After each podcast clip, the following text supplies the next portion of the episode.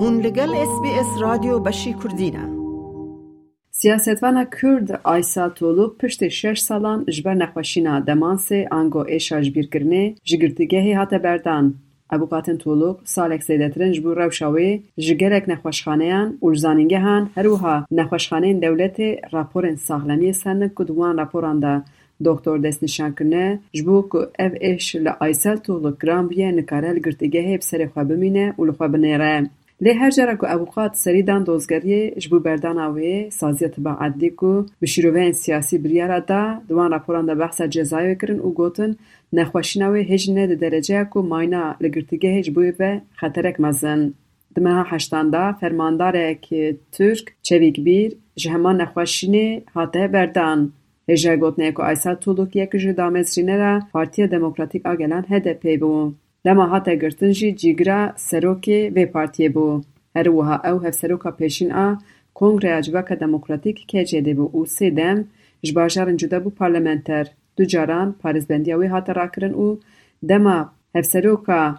پارتی جواک دموکراتیک بو پارلمنتریا وی هاتا بتال کرن او پین سالان سیاست لی هاتا قده خکرن آیسال تولوک دو بیس و هشتی کانون دو هزار و شازده هم ده هاتا گرتن گروپارتاج او داخیانی وی این Di dema hevserokatiya wê a Kongreya Civaka Demokratîk de bûn wekî delêlên sûcên cuda hate nîşandan ku yek ji wan jî beşdarbûna cenazeyên şervanên PKK bû.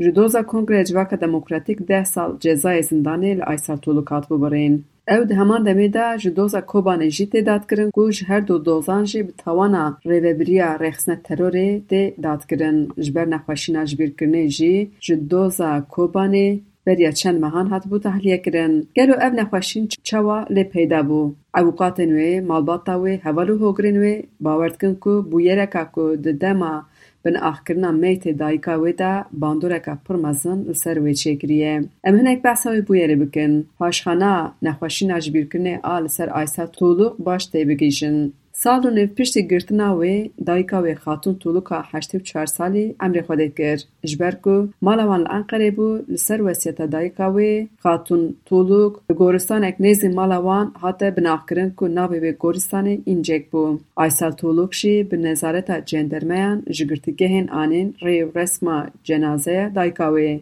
لیسر مدیا جواکی او هن نیجات پرستن ترک این که حتا ایدا کرن اندامین پارتیا گلیان تو پرور بونه li hev kombûn û avêtin ser goristanê. Li wir gotin ew terorîstan li nav goristana xwe naxwazin û êrişê gora wê kirin. Gotin ger meyt ji mezer dernexin ew ê paşê ji nav xakê meytê xatûnê derxin û bavêjin ser sergoyê.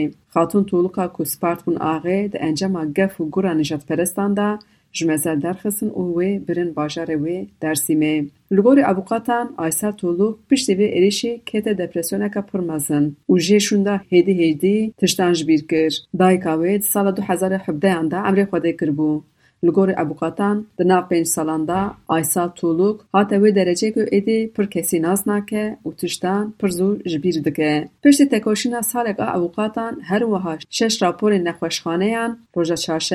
سازی تبا عدلی جیگیش تا وی انجا میکو آی سلطو لقن لگرتی که هی بمینه او لازمه لدر با درمان ببه. انجا ما بی بریاری دا هم دوزگری هم جی دادگه هی بریارا بردانا دا. او روژا پیشمه ایواری آی سلطو ها کان رای آل باشاره کجایلی ها بردان او او برن استنبولی. آی سلطو لقن رو دا و استنبولی نخوشخانه هن درمان کرن. Di saetên ku siyasetvana Kurd Aysel Toluk hate berdan, Seroka Yekîtiya Doktorên Tirkiyê Şebnem Korûrfincancî jî hate girtin. Sedema girtina wê jî daxuyaniyeka wê al ser Medya TVyê bû. Şebnem Korûrfincancî doktora tiba edlî ye. Beriya heftekê li ser medya civakî dîmenên hin şervanên PKK hatin belavkirin ku yek ji wan şervanek xort bû û di perpitî di ber.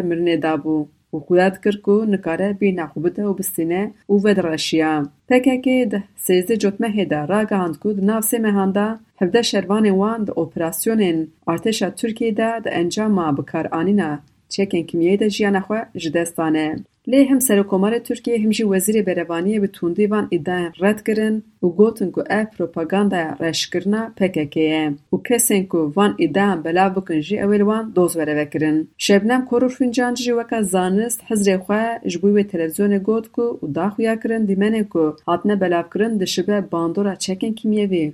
وجبو که برسوک درست دوی اف ایدا بیلی کلین کرن هیتن سربخه li wan deveran dikaribin lêkolîn bikin. Lê rojekşûn de Seroka Yekîtiya Doktorên Tirkiyê bû hedefa gotara Serokê Partiya Geliya Netewperwer MHP Devlet Bahçelî.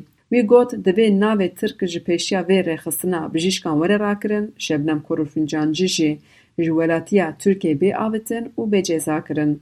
پروژه شونداجی دوزگری انقره به توانه که فینجانجه به دجی ارتش ترکیه برومتی گریه او بچوک خستیه پروپاگاندا تروری گریه جستنبول جمال خواه حتا دست سر کرن روژه چارشه مجی لانقره حتا گرتن. یا کجبر به توانه حتا دست سر کرن نتنه سلوکا یکتیا دکتورن ترکیه همان روژه دیسا به فرمانه دوزگری انقره الباجرن روحا انقره استنبول آمدوانه Polîsan avite ser malên peyamnêr û edîtorên Ajansa Mezopotamyayê her wiha jî Newsê û yasa rojnamegerên Kurd hatin desteserkirin. Herçend biryara nepên li ser lêpirsînê hebe jî, edîtorê Ajansa Mezopotamyayê Sedat Yılmaz destnîşan kir Hebalê wan ji bo ku îdeaya bikaranîna çekên kimyevî yên ser şervanên PKK kirine nûçe bûne hedef. Dozgeriyê çar rojan dema nezaretê li ser rojnamegeran dirêj kir. Li Amedê Sendikaya Rojnamegerên Tirkiyeyê Rojnamegerên Dicle û Feratê li kolana hunerê kom bûn bi daxuyaniyek nerazîbûnên xwe anîn ziman. Daxuyaniyê de balêdan ser yasaya dezenformasyonê ku li Parlamentoya Tirkiyeyê derbas bûye û fişarên giran tîne ser azadiya ramanê. Her wiha hate destnîşankirin ev operasyon encama vê yasayê ye. Operasyona ku li hemberî çapemeniya Kurd tê kirin tê wateya bêdengkirina rojnameger û veşartina rastiyê. Çapemeniya azad a ku dijminatiya iktidarê ya li hemberî Kurdan derdixe holê dê tu carî bêdeng nemîne. Hêjeyê gotiye ku cotmehê de Parlamentoya Tirkiyê yasayek hate qebûlkirin ku gelek zext û zor tînin ser azadiya ramanê. Nûnerê Sendikaya Rojnamegerên Tirkiyeyê Mahmûd Oral jî di daxuyaniyê de amade سد چل روش بره شازده روش نمگیر این کرد هات بون گرتن که حتا نها ادانامه اگد حقی واندا نها تیا آماده دکره و نای سانین هجه تا گرتن وان چیه و دبر داشی یازده روش این دنجی نهاد انجام وی اوپراسیونی ده هات نه دست سر کرن بشتر این خویانی از سر روش نمگیران نرخاندن و بالی دان سر روش خراب یا روش نورجان یالچن و بلال گلدن حضرین خواه لسر وان بویرن داوی و ها آنین زمان. یعنی جی روزنامه‌گرا نه نه گرتیگه نه بن چاپ کردن ایرو له هر ولاتی چاوا روزنامه‌وان باوای کی دموکراتیک باوای کی آزاد نوچه د شوپینن فکر خو آزاد برامان آزاد نوچه گهانی دکن. حوجه ایرو اف لترکیه جی پیکوره Leyli Türkiye'yi çapemeniya muhalif, çapemeniya azat e, her tüm hedef iktidarı daye. E, Şu e, şazde Haziran'ı demek ki hevalin mahatin girtin, operasyonu Haziran'da sinyalek bu, peyamek bu, jibu iro, mezanım bu ki operasyon berdamam ki her ku iktidar bir darazi ve ber bi tengaviye ve çe operasyonun bivi avay çe dibin. او ساته پاین کو چوا کن اونه دست پیک بو نه داوی بجی ام جل بدر پیام ما ابک و ام بجن سی سال لسر خطا روزنامه وانیا راگاندن حقیقت یا اپ موسا او شاگر تنوی حتا ایرو بردام کیه و ایروشون شون وجه چپمنیا کردی آزاد بدن نبه لگوری رخصنا روزنامه گرن سینور نناس حکومت ترکیه جسدی نوت راگاندن ترکیه کنترول دکه او شیروکار ایداد کن یا سای سانسوره جبو کنترل جسدی دهیا مدیا یا مخالفه Hêjayê gotineye ku hejmara rojnamegerên girtî yên Tirkiyeyê ji şêstî bihuriye. Ez Hatice Kamer mi vê raportê ji Amedê ragihand. دەتەوێت بابەتی دیکەی وەک ئەمە ببیستی؟ گۆڕایرە لەسەر ئەپ و پۆدکاست گوگل پۆدکاست سپۆتفاای یان لە هەر کوێیەک پۆدکاستەکانت بەدەستدەێنیت.